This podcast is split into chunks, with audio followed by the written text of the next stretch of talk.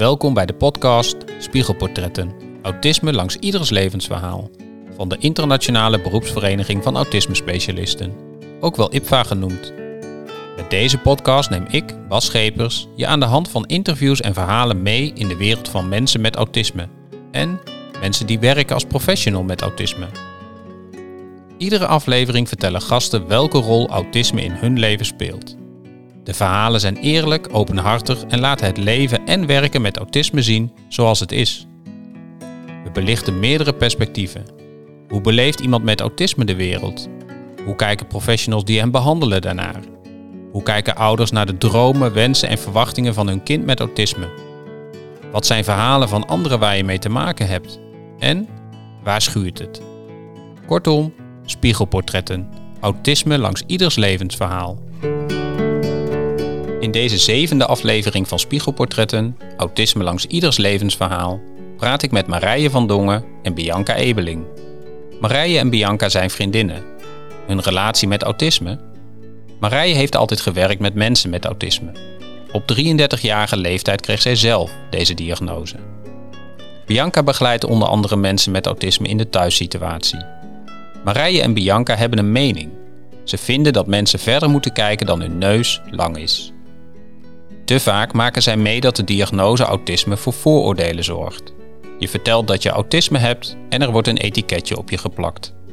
Je gedrag komt door autisme, je persoonlijkheid wordt niet meer gezien en mensen luisteren niet meer naar jouw verhaal. Marije praat daardoor niet vrij uit over haar diagnose. Samen met Bianca wil zij in deze podcast een lans breken. Oordeel niet te snel.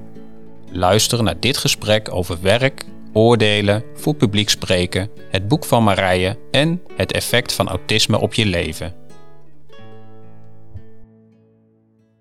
Welkom Bianca en Marije. Dank je.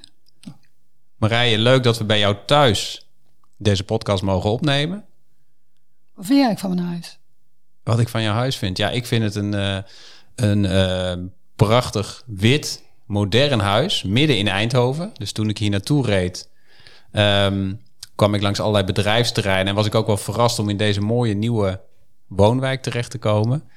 En uh, we, we, zitten aan een heerlijke podcasttafel. Stevig, stabiel. Mijn uh, microfoonarmen kunnen hier uh, goed terecht. Dus ja, ik ben helemaal blij. Goed zo. Ja, en je hebt goede koffie. Dat is ook een pre voor mij. Hoe vind je het zelf om hier te wonen? Heerlijk. Ja? Heel fijn. Ja. ja. En wat, was er een speciale reden dat je hier wilde afspreken? Uh, ik vind thuis wel het fijnste ja, om af te spreken. Ik was ook heel verbaasd dat jij helemaal niet vroeg van, ja, maar waar is dat dan precies? En hoe kom ik daar het beste en zo? Ik kreeg van jou alleen maar, jij wilde alleen maar mijn adres weten. Ja. En ik heb echt aan Bianca gevraagd van, hoe kan dat nou? Hoe kan het nou dat hij alleen maar mijn adres wil weten? Want, want vertel, waarom ben je daar zo verbaasd over? Nou, als we bij jou hadden afgesproken en ja. je had jouw adres gegeven, dan ja. had ik gezegd, uh, maar hoe kom ik daar het beste en hoe rijd ik daar het beste? Of welke bus kan ik het beste nemen? Of, en, en hoe moet ik dan lopen? En ja. wat zijn mijn herkenningspunten? En ik had jou heel veel gevraagd. Okay, dus het is verstandig dat jij bij mij bent gekomen, niet andersom. Ah, oké, okay, dat geeft onrust. Nou, voor mij en voor jou ook, want ik ga jou bestoken met vragen. Ah, oké. Want is het dan zo dat jij niet meer vertrouwt, of niet meer? Kijk, ik vertrouw nu heel erg op uh, Google Maps. Ik, ik, tik het adres in, ik kijk ook even naar Bianca. Ik weet niet, is dat voor jou ook Bianca, als je naar nou, een adres moet? Wij verdwalen altijd samen heel oh, erg. samen. we hebben ooit een keer drie keer rond Antwerpen gereden voor een lezing. dat is de verkeerde om aan te vragen. ja. Dus bij jullie allebei. Maar, maar, maar is het zo dat je daar niet op vertrouwt, Marij? Nou, dat je denkt, ik toets het adres in bij Google Maps of een TomTom of een ander navigatiesysteem en dan... Ja, wat het is, is dat ik uh, wel degelijk met een TomTom en met uh, Google Maps overal kan komen. Maar de onrust van niet zeker weten of ik de juiste beslissing op het juiste moment neem, van tevoren, zorgt altijd voor heel veel onrust. Ik ben toevallig pas met een fiets ruim 40 minuten, 42 minuten gefietst en daarna ook weer terug. Hier in Eindhoven, maar dat was helemaal aan de andere kant van Eindhoven, met Google Maps. Ik heb zo'n sneu bejaarde dingetje gekocht voor aan je fiets, waar je je telefoon in kan hangen. En uh, op één afslagje na ging dat goed. Daar was ik echt heel erg blij mee. Maar de ik heb daar wel heel veel stress van. Oké. Of dat ook daadwerkelijk zo gaat zijn. Ja. Ja. Nee, dus jij, jij was blij, Bas komt hier naartoe, Ja. ik kan thuis blijven. Ja. Ik weet, ken deze omgeving. Ja, Bianca- zit op mijn eigen stoel. Eigen stoel. Bianca komt hier naartoe. Ja, die komt hier, dus dat is altijd goed. Dus Ja. dus- ja. Hé, hey, nu gaat het Oh. koffiezetapparaat lopen. Oh, oh, die gaat uit, denk ik. Die gaat uit. Die is vrij nieuw. Ja, dat zijn altijd de onverwachte dingen in een podcast, hè? Ja, dat geeft, dat geeft helemaal niks, hoor. Eh, Bianca, jullie zijn vriendinnen. Ja. Jij en Marije. Hoe is dat zo gekomen? Eh, wij werden collega's. En Ik waar? was, eh, ik was net begonnen in een gezinsvervangend tehuis. En toen kwam eh Marije als stagiaire. En eh, ja, wij hadden gewoon echt wel een klik. Ja, Ja. en wa- wa- waar zit die klik in? En wa- waar zat toen die klik in? En misschien nu nog? Ehm, ik denk heel erg in een stukje verontwaardiging hè, over Ja. allerlei dingen die ehm, zo waren omdat ze zo waren. En heb je het dan over verontwaardiging, over dingen op jullie werk of in jullie werk? Of? Ja. In het werk. Ehm, ja. gewoon allebei heel erg eh, hard voor de mensen. Maar ook verbazing dat er zoiets bestond als eh, zondagse koeken. En eh, Wat is dat? ja, ja, je had door de weekse koeken en zondagse koeken. En eh, ja, de zondagse koeken die mochten de mensen niet door de week eh, hebben. En ook niet als er familie op bezoek kwam die, eh, die al heel lang eh, niet gezien hadden. Of, en het was ook soms, eh, dan kwam er familie op bezoek en dan mocht je nog geen koffie zetten, want dan was er pas koffietijd om half acht. En dan moesten die mensen anderhalf uur wachten tot koffietijd was. En Regeltjes om de regeltje. ja, Oké. veel Dus, en da- daar vonden jullie elkaar in. En toen bleek ook dat jullie het goed met elkaar konden vinden. Zeg ik het dan goed? Ja. Ja, zeker. Oké. En toen? Voor mij was bij Bianca altijd thuiskomen. Dat is, dat is nog steeds zo, ook al komt ze bij mij thuis. Ehm, ik mag op de kop schijten, bij wijze van spreken, en dan is het goed. En zij mag dat op die van mij doen, en dan is het goed. Dat wij, wij, er is een heel groot vertrouwen, denk ik, dat alles wat we ook doen altijd met de juiste intentie is. Oké. Hoe lang is dat eigenlijk geleden? Waar je het nu, eh, die start van jullie 28 vriendschappelijke jaar. relatie? Ja, 28 jaar al. Of, of 27 of zo, zoiets, ja. Hey, want ik vertelde in de inleiding voor jullie allebei dat autisme een rol in jullie leven speelt. Eh, welke rol speelt het in jullie relatie? Voor mijn gevoel niet. Nee? Kijk naar jou, eh, Nee. Bianca. nee, echt. Nee. Als jij Nee. voorbeelden nodig hebt, van, heb jij nog een voorbeeld van mijn eh executieve functie? Oh ja, ja, ik vraag Bianca regelmatig, want ik, ik, ik, ik bereid me nooit, bijna nooit voor. Moet ik dit in de podcast zeggen? Hm. Ik bereid me meestal niet zo goed voor als ik een gastles of een, een presentatie geef, omdat ik denk, het gaat over mij. Ik hou van de interactie. Mensen vragen dingen, daar kan ik op antwoorden. Ik kan altijd antwoorden. Want is het, gaat over mij. Dat vind ik interessant. Is het dan niet goed voorbereiden of vertrouw je gewoon op het verhaal wat je bij je hebt? Ik vertrouw op mezelf. Ja. Maar ik vertrouw niet op mezelf als ik de weg moet vinden. Daar Nee. zit mijn stress. Daar zit mijn stress als ik presentatie Ja. ga geven. Maar mijn stress zit niet in de presentatie. Ik heb in, in België voor 500 mensen gesproken. was geen enkel probleem. Voor 10 mensen is leuker, intiemer ja. en meer interactie. En waar zit dan dat verschil tussen eh, ik moet ergens naartoe, dat geeft mij heel veel stress.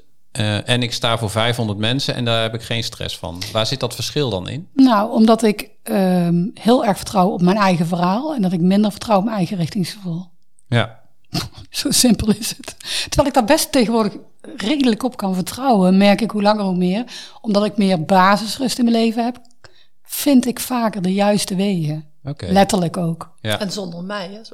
En, en Bianca gaat minder vaak mee. Vroeger ging Bianca ben ik nog veel fouten. Want dan is min en min is niet plus in ons geval. Nee. Oké, Nee. want in het begin ging jij dan mee, Bianca, als eh Marije ergens naartoe moest. Dan was jij een soort gids of een soort reisleider. Maar was mijn veil- veiligheidje. Mijn veiligheid. Mijn veiligheidje. Bianca naast me en dan kon ik de wereld aan. Ah, oké. Ja, ja, ja. Ja. En op een gegeven moment kon het zonder.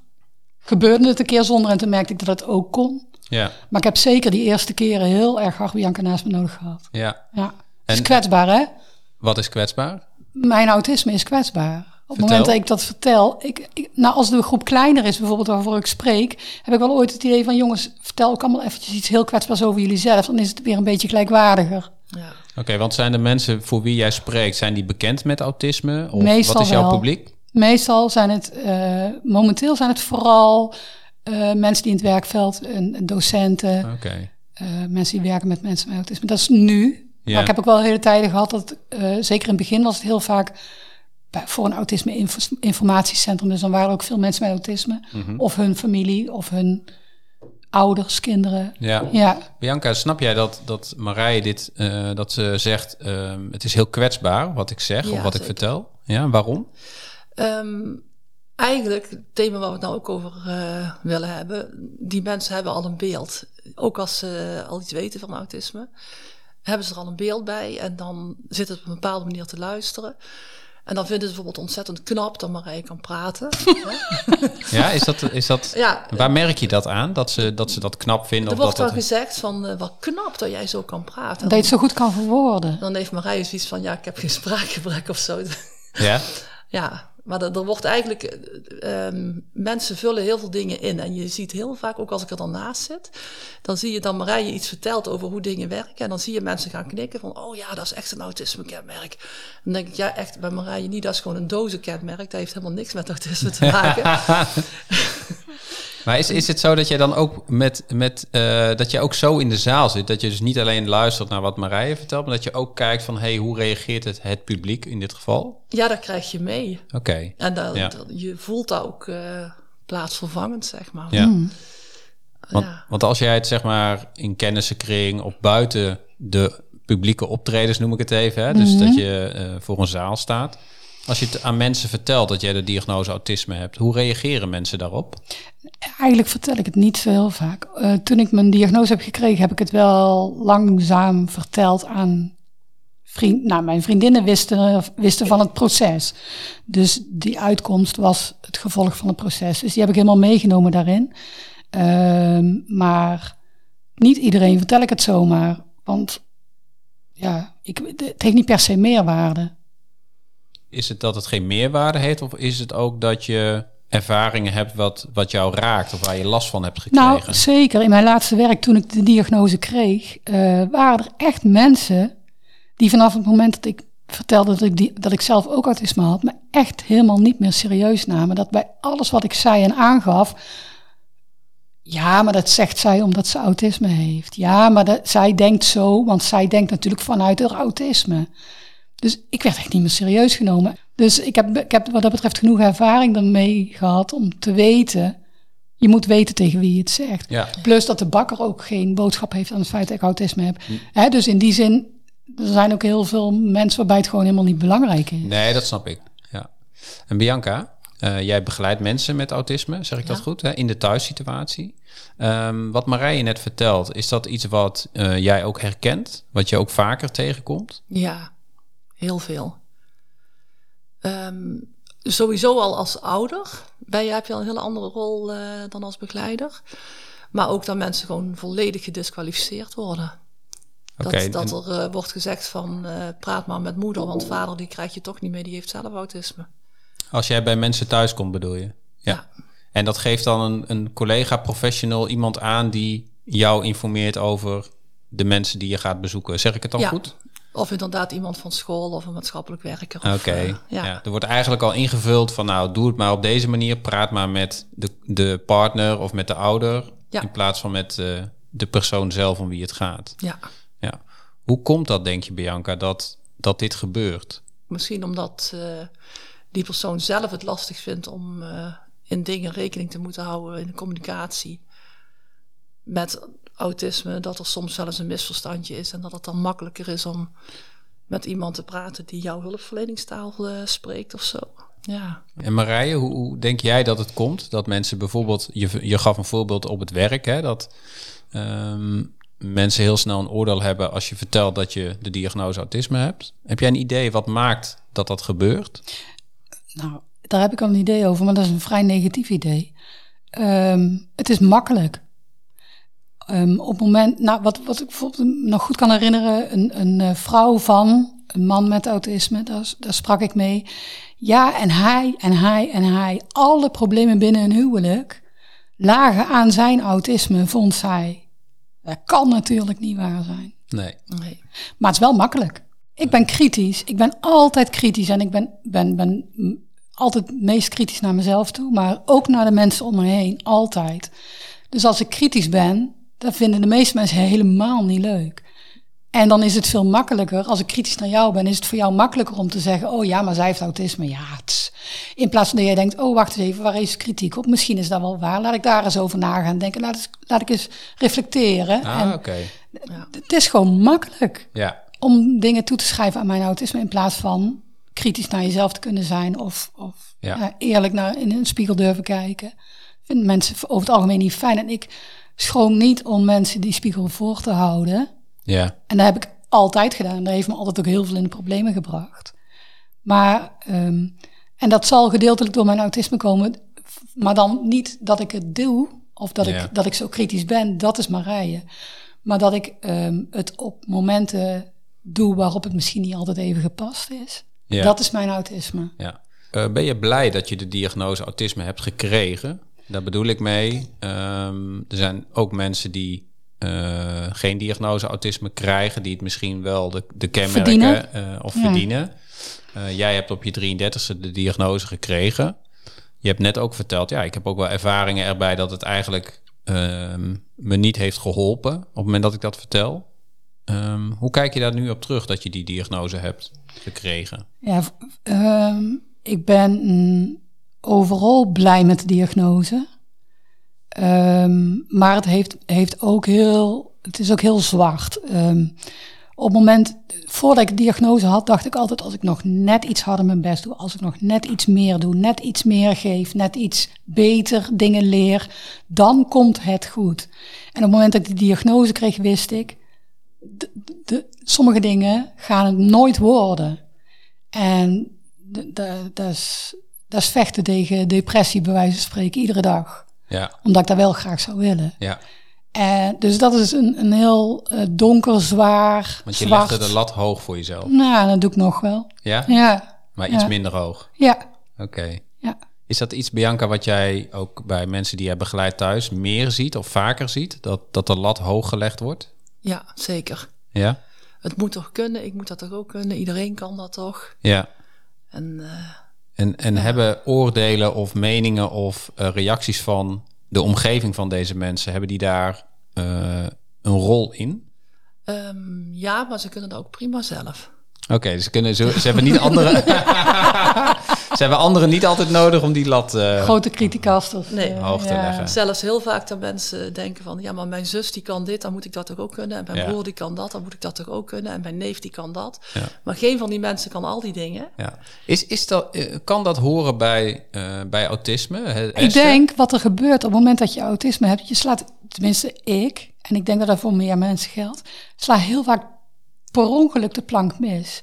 Alle ongeschreven regels die jij, ervan uitgaande dat jij neurotypisch bent, die jij begrijpt, begrijp ik nooit. Kun je een voorbeeld noemen? Nee, ehm, nou, mijn zoon had pas een voorbeeld en dat ging over eh, dat ze op school, toen zei hij, ja, die ongeschreven regels, mam, ik snap ze niet. Ehm, kom met je eh, sportkleding. Was voor de eerste, voor de kennismakingsdag, Ja. een paar jaar geleden. En hij is dan de enige die met sportkleding komt. En hij heeft het, ik weet nog dat hij er aan mij vroeg. Ik zeg, ja, doe maar iets makkelijks. Een joggingbroekje, sportschoenen, zoiets. Ja. T-shirtje. Ik denk daar ook dat dat dan moet. Want Ja. waarom zou iemand in godsnaam opschrijven... doe je sportkleding aan terwijl dat een grapje is... of dat niet de bedoeling is. Maar, iedereen snapte dat het niet hoefde. Dat je, dat je misschien kleding aan moest doen... waarin je makkelijk je kon voorbewegen. Maar er werd niet gesport. Maar hij was de enige die het aan had... omdat hij die ongeschreven regel niet snapte. Maar ik snap die ook niet. nee. En ehm, zo ben ik in mijn leven heel vaak tegen dingen aangelopen die ik net niet helemaal begreep. En net niet. Ik ben helemaal niet sociaal on, eh, onaangepast, maar wel sociaal onhandig. En dat zijn details die je merkt wanneer je me goed kent Ja. en meer contact met me hebt. En, en ik hoor je zeggen, jij bent er dan ook bewust van dat je sociaal onhandig bent. Ik doe ook met mijn handen even tussen aanhalingstekens, want het zijn jouw eigen woorden. Ja. Ehm, want ik vind het helemaal niet zo, tot nu toe. nee. ik voel me je erg welkom. Ehm, maar je zegt, ik ben er bewust van. En ehm, bedoel je dan ook dat je daardoor misschien die lat hoog gaat leggen om het toch goed te doen? Of Ja, om andere zeker. dingen beter te doen? Ja, het speelt altijd mee. De, als, ik, als ik weet dat ik altijd op ieder willekeurig moment de plank mis kan slaan. En dat pas achteraf in de gaten heb en weet dat de rest de plank niet mislaat op dat moment. Dan maakt het onveilig en onzeker. Waardoor ik altijd de max geef om de kans op eventueel die plank mis te slaan heel klein te Ja. maken. Dat zie, dat zie je heel veel. Dat, eh, dat mensen zeggen van mijn eigen radar is kapot. Ik kan niet vertrouwen op mijn eigen radar, want als ik gewoon doe wat ik denk dat goed is, dan blijk ik af en toe mensen te beledigen. Niet altijd, soms werkt die wel, soms werkt die niet. Ja. Maar ik kan zomaar iemand heel erg beledigen, heel erg boos maken, uh, niet voor vol aangezien worden door iets wat ik doe. En, uh, word word jij in je werk ook wel eens beledigd? Of in ieder geval dat je het gevoel hebt van... goh, hier is de radar of de antenne wat minder goed afgesteld? Um, ik ben niet zo heel gauw beledigd. um, er worden wel eens dingen gezegd um, ja, die, die niet zo aangepast zijn. Bijvoorbeeld iemand die, uh, uh, die ziet... Uh, ik heb psoriasis aan mijn voet. En dan zit iemand bij mij te praten. En dan in één keer dan kijkt hij heel uitgebreid naar mijn voet. En dan zegt hij, waar heb jij daar nou? Waar is dat voor iets schimmel? Of... Ja. Ja, dan daar zou je misschien beledigd om kunnen worden. Of, ja. ja. En hoe reageer jij dan? Dan vertel ik wat het is. En voor mij heeft dat helemaal geen uh, lading. Ik benoem wat ik zie. Ja. Heeft helemaal geen lading. Maar voor de gemiddelde mens heeft zoiets wel lading. En is het misschien wel als een belediging bedoeld. Maar voor mij niet. Ik constateer, oh, jouw voet. In, in, Ja. Om even dit, dit voorbeeld te nemen. Er zit veel psoriasis op jouw voet. Ja. Ik constateer een feit. Ja. Ja. Heb daar geen, totaal geen mening op verder over. En ook geen, ik kan dan vragen, heb je er last van? Ja. En, en Bianca, even terug naar, uh, naar jou. Want um, wat kun jij mensen bieden die je begeleidt in een thuissituatie, die net als Marije ook zeggen van nou, ik, heb, ik heb daar wel last van dat ik sociaal onhandig ben of ik, ik wil daar iets mee. Um, wat kun jij dan bieden? Um, of wat doe jij dan? Ik probeer vooral uh, uit te zoeken in welke situaties en uh, te zorgen dat ze wat meer vertrouwen hebben in dat ook fout mag gaan. Hè, bijvoorbeeld, bijvoorbeeld van ja, maar die kan dit en die kan dat. Dan vraag ik altijd aan een meisje van wil je ook staand leren plassen? Want waarom moet jij alles kunnen waar iedereen kan? Het is belangrijk dat je de dingen kan in jouw leven die voor jou belangrijk zijn. En hè, voor de mensen waar jij van houdt. Ja. En laten we daar eens naar gaan kijken hoe je daar goed mee overweg kan. En stop alsjeblieft met alles voor iedereen altijd goed willen doen. Ja. Dus het is veel minder dan, dan iemand leren hoe die uh, altijd sociaal aangepast kan zijn. Is het uh, leren dat er alsjeblieft niet hoeft. Ja, mooi. Ja. ja. Dus, dus niet uh, vaardigheden of, of trucjes aanleren of, of hè, die, die lat eigenlijk uh, meegaan in die lat. Het ja. kan zijn, ik heb ooit iemand gehad, uh, er was een, een, juf die echt per se wilde zien dat jij luisterde. En die, die eiste oogcontact. Nou, daar heb ik wel een trucje aangeleerd. Van je kunt ook even tussen de wenkbrauwen kijken en, en, en, een keer knikken. Dan gaat ze weg en dan ben je van eraf. Ja. ja, ja. kan. Maar over het algemeen, of ik hoor je zeggen van meestal probeer je in te steken op goh jij mag ook fouten maken, net ja, als ieder ander mens. Iedereen maakt fouten. Ja. En dan mis je, als je zo, bezig, zo op jezelf gericht bent om het goed te doen, dan, dan mis je hoeveel andere mensen de plank uh, misslaan en daar echt helemaal geen last van hebben. Ja. Dat ook. Geen ja. last van hebben. Dat ook. Hoe bedoel je? Dat er heel, heel veel mensen zijn die dingen die een, een per ongeluk een rotopmerking maken. En dan denken, oh ja, ik heb een rotopmerking gemaakt, punt. Ja. Ik heb daar echt nog heel lang last van. Ja, maar. Dat, dat kan ik ook wel hebben hoor. Dus ja? ja, ik heb geen diagnose autisme, maar ik kan wel dat ik uh, soms echt nog wakker kan worden van dat ik denk, oh, ik heb iets gezegd of heb ik, hoe is die opmerking binnengekomen? Mm. Um, en soms zelf dat ik het ook echt even wil uh, checken. Dus dat ik even bij diegene ook naga van, joh, ik heb, ik heb uh, dit en dat gezegd voor mijn gevoel, dit, et cetera. Dus maar ik heb het na het checken nog. Ik check dat dan ook. Als ik het gevoel heb van ik heb iets verkeerd gezegd. Ja. En dan check ik het van, goh, ik, dit is wat ik bedoelde. Heb jij het ook zo opgepakt? Nee, bijvoorbeeld. Nee, ja. Nou, dit is wat ik bedoelde. Ja. ja. Maar daarmee is voor mij het niet klaar. Maar dan ben ik even advocaat van de duivel bij Marij. Hè? Want jij zegt op mijn werk bijvoorbeeld, uh, of als ik in een werksituatie zou zijn, of niet voor publiek optreden, dan zeg ik het niet zo vaak. Zeg ik eigenlijk niet dat ik die diagnose heb. Zou het dan niet helpen voor jou ook als je het juist wel doet? Zodat mensen misschien uh, er rekening mee kunnen houden als je een sociaal onhandige opmerking of iets zegt waar je last van hebt? Nou, het is de afweging. Ik zou nu, met hoe ik nu ben, zou ik nooit meer ergens gaan werken zonder dat ze zouden weten dat ik autisme heb. Dat heb ik trouwens ook nooit gedaan. Ik heb altijd, vanaf dat ik mijn autisme, van mijn autisme wist, wist mijn werkgever het ook en mijn collega's. Maar um, je moet natuurlijk de afweging maken van, word ik nog serieus genomen? En, of gaat het me helpen? Um, die balans, die ligt bij de ander. Ja. Dus dat is een, een twijfelachtig iets. Ja. En daarvan zeg je, ik heb daar zo een Nou, aantal ervaringen in dat, Ja, dat, ja, ja. Dat, dat daar niet zorgvuldig mee wordt omgegaan. Ik, ik ga niet Nee. direct tegen mijn buren zeggen, ik heb autisme. Nee. En, en ik wil nog even naar die werksituatie toe, want ehm, hoe uiten mensen dat? Dat ze, eh, hoe merk jij dat ze oordelen, vooroordelen? Mensen luisterden echt letterlijk niet meer. Checkten uit. Ik zag het gebeuren. Oké, En, en, en kwamen vervolgens niet meer met de vraag naar mij toe. nee. Want, want is, er iemand, is er wel eens iemand geweest in zo'n werksituatie die eh, door heeft gevraagd bij jou van... Goh, eh, je hebt verteld dat je diagnose autisme hebt. Wat betekent dat? Wa- Waar kunnen we rekening mee houden?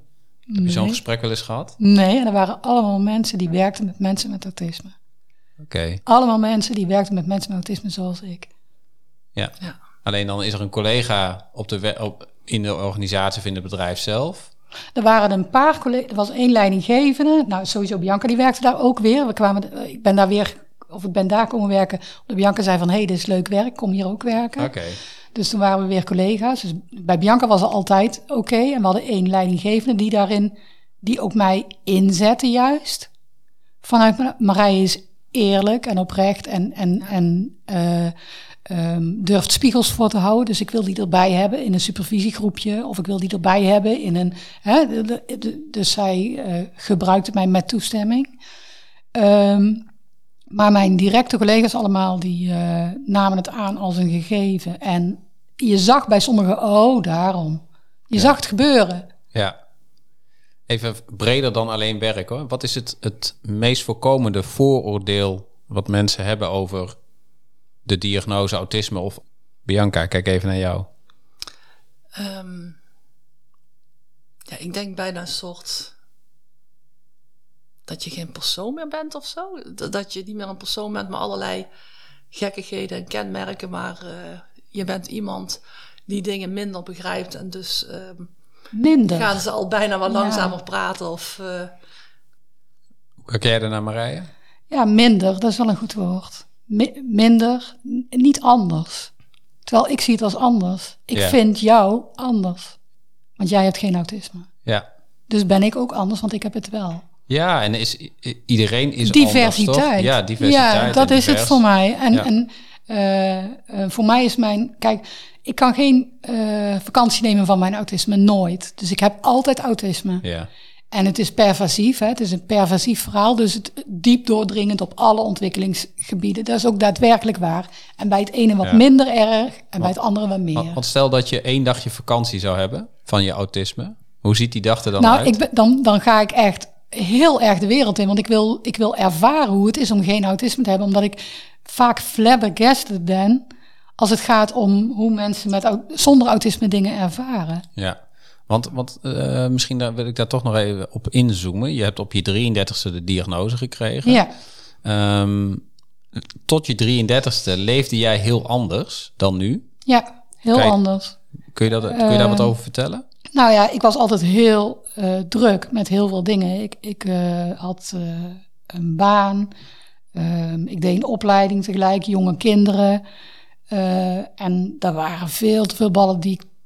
Dat, is voor de meeste mensen al veel ballen om tegelijkertijd op te houden. En voor mij was dat sowieso veel te veel.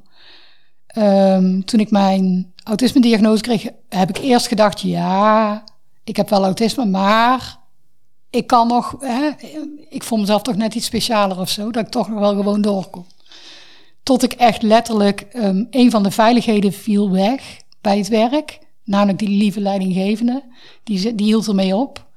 En eh, toen ging ik naar bed en de volgende ochtend voelde ik, ik het is op. En daar dacht ik s'avonds al, het is op. Maar ik dacht, nee, dat heb ik al vaak in mijn leven gedacht, het is op. En het lukt altijd aan, wel. nou, gewoon kapot. eh, ehm, eh, het, het idee dat, dat ik niks meer kon. En dat werd de volgende dag waarheid, want ik kon letterlijk bijna niet meer lopen, bijna niet meer praten. Ehm, ja, ik was, ik was echt, mijn elastiek was uitgelubberd tot en met. Ja, de, Ja. Rek, de rek was eruit. Ja, en die is ook nooit Ja. meer helemaal teruggekomen. Nee, waar nee, waar het was echt te aan? ver gegaan. Nou, ik, kan, ik ben nooit meer zo belastbaar geworden als ik ooit was. En ik was waarschijnlijk al nooit zo belastbaar als dat ik mezelf belastte. Maar ehm, ik ben ook niet op 50% teruggekomen, snap je? Ik, de, ik heb mezelf echt kapot gemaakt Ja. daarin. Is, Ja. is, Bianca, is dit een, een verhaal, een voorbeeld wat je vaker hoort? Ja, Ja? ja. En dan wordt heel slecht begrepen. Door wie? Door iedereen in de omgeving. Maar vroeger deed je het altijd wel. En sinds je die diagnose hebt, Mm. in één keer kan je helemaal niks meer. Oké. En wat niemand ziet is dat je al je hele leven verschrikkelijk op je tenen loopt. En van binnen kapot gaat. En dat je eindelijk van iemand hoort van... joh, maar dat is hartstikke logisch. Ja. En dat het niet meer hoeft. En dat je dan gaat doen wat je wel kan. Ja, en dan denken mensen van... goh, stel zich wel erg aan hoor. In één keer is wel alles autisme. Oké. Ja, wordt bijna tegen je gebruikt. Dat gebeurt ook dan. En hoe bedoel je dat? Nou, oh ja, dus nou, omdat jij autisme hebt, kan je nou ineens niet naar een verjaardag komen. Toen je, toen je de diagnose nog niet had, kon je het wel. Ja, toen kon ik het ook niet. Maar toen ging je wel. En nu ga ik ook wel soms. Ja. Maar ik kies eh, de momenten uit waarop ik eh, genoeg veiligheid in kan bouwen voor mezelf. Dus de juiste mensen om me heen.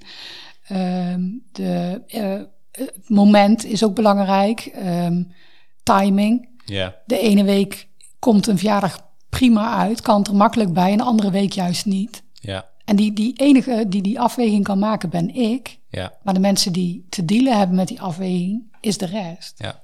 Want eh, met welke reactie van mensen om jou heen zou jij geholpen zijn? Ik zou ehm, geholpen zijn. Nou, dat weet ik wel. Als mensen me zouden geloven. Ja. Oké. Als mensen me zouden geloven. Want Ja. ik lieg niet. En zeggen mensen dat ze je niet geloven? Of Nou, waar dat merk ik. Ja, waar- ik, Ja. ik ben daar heel erg naar benieuwd. Hè? Van waar merk je dat aan? Zijn dat... Ja, je ziet het aan de manier waarop iemand dan zo... Kijk, even wegkijken. Even, eh, ja, voor mij wordt het een heel theoretisch verhaal. Hoe zie je dat iemand liegt? Nee, maar ik, Ja. het zijn eigenlijk die kleine non-verbale Non-verbale signalen. signalen. waardoor ik Ja. merk of dat ze tegen iemand anders zeggen: Ja, ik vind het wel vervelend hoor, Marije Ja. er niet was. Maar tegen mijzelf wordt niet. Want, en dat is ook natuurlijk zo. Ik ben iemand die vrij verbaal is en die ook niet bang is om te zeggen wat ze vindt. Dus mensen zeggen niet gauw tegen mij dat ze het vervelend vinden. Nee. Eh, Hoe, hoe zou het anders kunnen? Als ik bijvoorbeeld even ga, Marij, naar wat jij zegt op je werk. Hè, toen je vertelde dat je de diagnose autisme had. En mensen eigenlijk ehm, afhaakten, wegkeken. ehm, eh, vragen niet beantwoorden Ja, eigenlijk. er, wa- er waren ook wel mensen die gewoon. Het is een gegeven en het is goed. Hè? Ja. Het, was niet alleen maar negatief hoor. Nee. Maar hoe, hoe zou het anders kunnen? Ehm, nou, ik denk, ja, het anders kunnen heeft, heeft met de ander te maken Ja. en niet met mij. Nee. Dus op het moment dat ehm, de collega's die het gewoon prima vonden en die eh, mij met, op dezelfde manier bekeken als daarvoor. En gewoon als ik zei van ja, ik vind het even te veel woorden, ik wil even naar buiten, dat prima vonden. Ik bedoel, het is aan mij om de dingen aan te geven, niet aan de ander. Eh, Sterker nog, ga alsjeblieft niet iets aannemen voor mij, want daar kan ik zelf uitstekend. Ja. Maar de collega's die dat niet deden, ja, die waren misschien niet zo goed in hun werk dan. Oké. Ja. Het En- wordt altijd wel gevraagd, hè? want dat is, iedereen wil altijd een hele open cultuur en elkaar aanspreken en reflecteren. En ja, als het dan echt gebeurt, dan eh blijkt ineens dat toch minder leuk. minder leuk te zijn. En ja, wat ik vind, jij doet altijd wel op een hele, heel zorgvuldig, heel erg goed nagedacht, Mm. heel ehm, respectvolle manier zou je altijd dingen aangeven. En als jij iets aangeeft over een ander fout doet, dan heb je daar zelf al tachtig keer over nagedacht Ja. of hoe je dat zelf doet en of je daar iets van zou kunnen vinden van jezelf. Ehm, dus ik denk dat dat heel erg goed te gebruiken zou zijn. Dat het geweldig zou zijn als, als ik zou heel graag al mijn collega's zo hebben. Ja. Dat je gewoon heel zorgvuldig naar elkaar kijkt en naar jezelf kijkt. En hè, ook vraagt aan, aan je cliënten van eh, hoe ze dingen ervaren. En, Ja, want, Ja. want als ik het omdraai, want stel dat eh, collega's die nu misschien wegkijken of afhaken, of het, wat jij ook zei, het misschien gebruiken even als een makkelijke eh, reden of argument om niet te luisteren. Ze krijgen feedback van jou en eh, geven eigenlijk aan van ja, maar zij heeft autisme. Dat is wat je in het begin van de podcast ook vertelde. Ehm, want wat zou het hun brengen als ze dat niet zouden doen? In feite kun- heb je met, kun je met mij een hele veilige manier krijgen om te leren. Oké. Want op het moment dat ik tegen jou zeg van ik vind niet fijn de manier waarop jij hier zit, is dat wat ik vind. Ja. Ik vind niet meer. Er zit geen dubbele boodschap achter. Je hoeft niet na te denken, oh maar ze zegt dit, maar bedoelt ze misschien dat? Wat ik zeg is wat ik bedoel. Ja. En soms kan ik het misschien niet helemaal op de juiste manier verwoorden. Dus daar kan nog wel nuance in zitten. Maar er zit nooit een andere boodschap achter. Dubbele boodschappen doe ik echt niet aan. Nee. Want wat vertel je bij die publieke optredens? Daar ben ik wel even benieuwd naar. Wat, wat is jouw verhaal? Het is een beetje ook afhankelijk van wat het publiek is. En wat, het, eh, wat eh, bijvoorbeeld het onderwerp is. Want het kan gaan, pas ging het over eh, eh, comorbiditeiten bij eh, meisjes en vrouwen met autisme. Dus daar heb ik een stuk verteld over depressie en over eh, eh, mijn, eh, hoe noem je het? Jullie hadden het over oorlog toen straks. Ik heb wel een oorlog meegemaakt, namelijk in de psychose. Dus hè, nou ja, daar kan ik dingen over vertellen. En daar zou ik normaal gesproken niet over vertellen als het een algemeen autismeverhaal is. Zeg maar. Dus ik stem af op degene met, voor wie ik eh, spreek. Psychose, depressie, is dat iets wat vaker voorkomt? Nou, angst en, en eh, depressie zeker, ja. Ja. En eh, bij mij is de angst zo heftig geworden in combinatie met heel weinig slaap. Ja. Niet slapen eigenlijk een paar weken. Dat ik een psychose kreeg. Die Ja. krijgt overigens iedere mens als je maar lang genoeg niet slaapt. Ja. Dus wat dat betreft is niks menselijk is, eh, mij vreemd. ja. Maar Hoe gaat het nu met je? heel goed, zo lang geleden. Ja? Ja, heel lang geleden. Oké. Bianca, hoe was dat voor jou om Marije in die periode te zien? Lastig.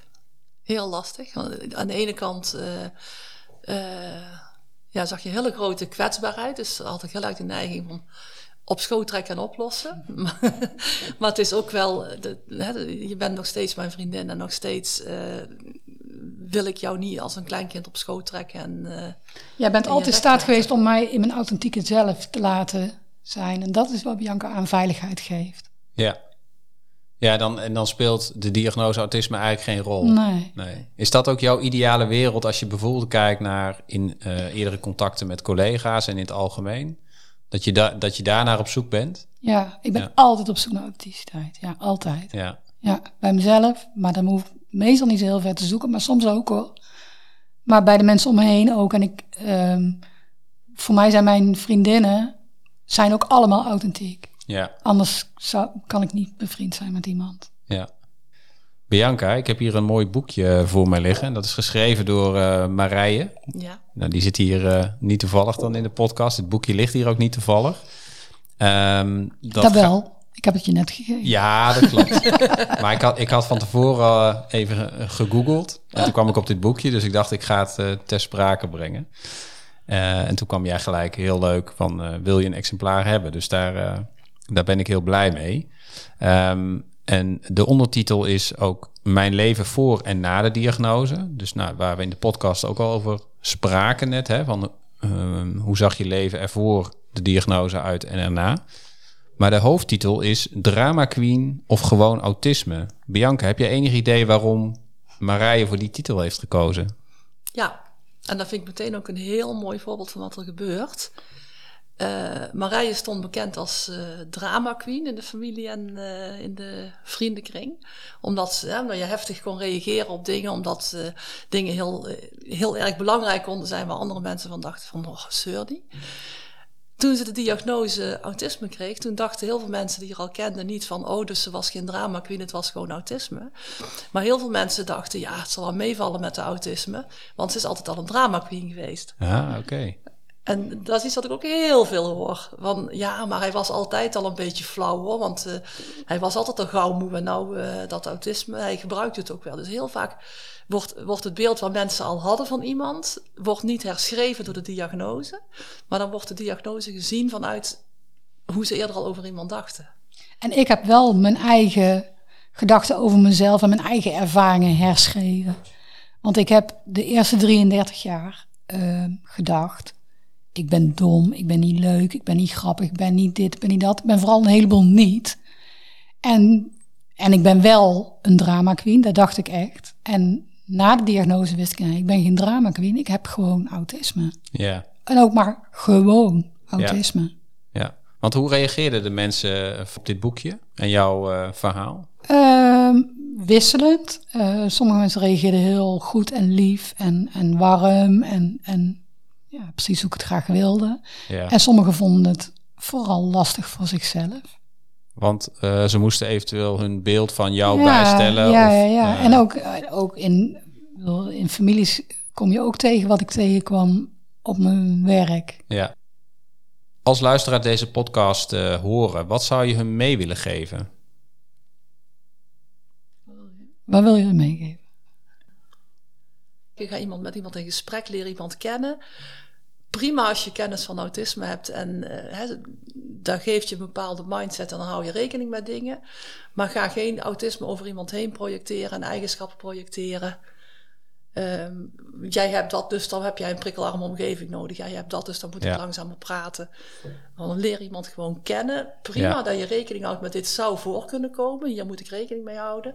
Maar kijk even of het echt zo is. Ja, Ja. En ken je één iemand met autisme, dan ken je één iemand met autisme. Ja. En het is ook voor de mensen zonder autisme. Ik kan ook niet zeggen, alle neurotypische mensen zijn zo. Dat doe ik wel soms hoor, want ik heb Ja. wel vooroordelen. Maar in principe deugt het natuurlijk niet. nee. Kijk gewoon naar degene die je voor je hebt en vraag. En als je dingen vraagt, zeg dan ook zo eens af en toe: klopt het dat ik dit en dat goed begrepen heb?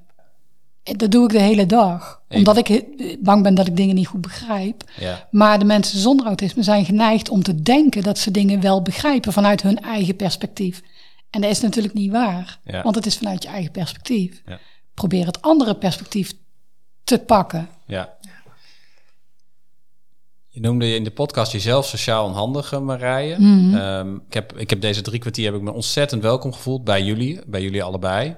Ook hier in, eh, in jouw huis. Dus ik wil jullie heel erg bedanken voor jullie openhartigheid. En ook voor de eh, verhalen die mij ook weer hebben geholpen. Om een beter beeld eh, van Marije en van Bianca te krijgen. En ook van wat autisme kan betekenen in je leven. Wil je daar iets over zeggen? En wat bedoel je? Welk idee had je voordat je hier kwam en wat heb je nu? Ik dacht wel van, hé, hey, wat, wat gebeurt er als ik tien over één aankom? Dat is beter dan tien voor. Ja, dat is grappig. Want ik dacht, ik kan beter eh, precies op tijd zijn. Of te vroeg. En niet te laat. Oh ja. Nee. Want dan vindt Marije dat misschien onprettig. En dan gaat ze zich dingen afvragen. Dus dat is heel concreet inderdaad eh, wel iets wat ik had. Ehm, en ik heb geen idee. Dus dat ga ik nu even bij jou checken. Eh, Nee, voor mij had je op tijd is fijn en te laat is ook fijn. Te vroeg is altijd druk. ja, want fijn. waarom? Nou, omdat het niet in mijn, eh, in mijn systeem past. Ik heb heel vaak, ik wil nog eerst dit en dan dat en dan dat doen. En dan komen zij. En als mensen dan een kwartier of twintig minuten eerder eh, er zijn, dan ben ik nog niet klaar met mijn eigen routine. Ja. Nog even een check bij Bianca. Is dat ook wat jij vaker ziet in je werk? Jawel. Ja? Ja. Dus je kan beter te laat komen? Nee, nee, nee. nee. Oh, dat nee, niet? nee, nee. Dan heb je weer die ene persoon, hè? Ja. Nee, Ja, er zijn ook mensen die heel erg flippen van als je één minuut te laat bent. Ja? Ja. Ja, maar dat heb ik helemaal niet. Of die er geen enkele moeite mee hebben omdat Ja. tijd helemaal niks betekent. Dan mag je even goed drie uur te vroeg of drie Ja. uur te laat komen. Ja. Maar het is wel fijn dat je weet dat zoiets als tijd en planning een issue kan zijn. Zodat Ja, daar was ik me wel van bewust. Ja. Ja, dus dat, ja. dat heb ik wel goed rekening mee te houden. Je weet Ik- dat letterlijkheid een issue kan zijn. Je weet dat hè, allerlei dingen een issue kan zijn. En dan ga je vervolgens, als het goed is, vragen: van, hoe is dat voor jou? Ik wil jullie heel erg hartelijk bedanken. En eh, tot de volgende keer. Graag gedaan. Ja.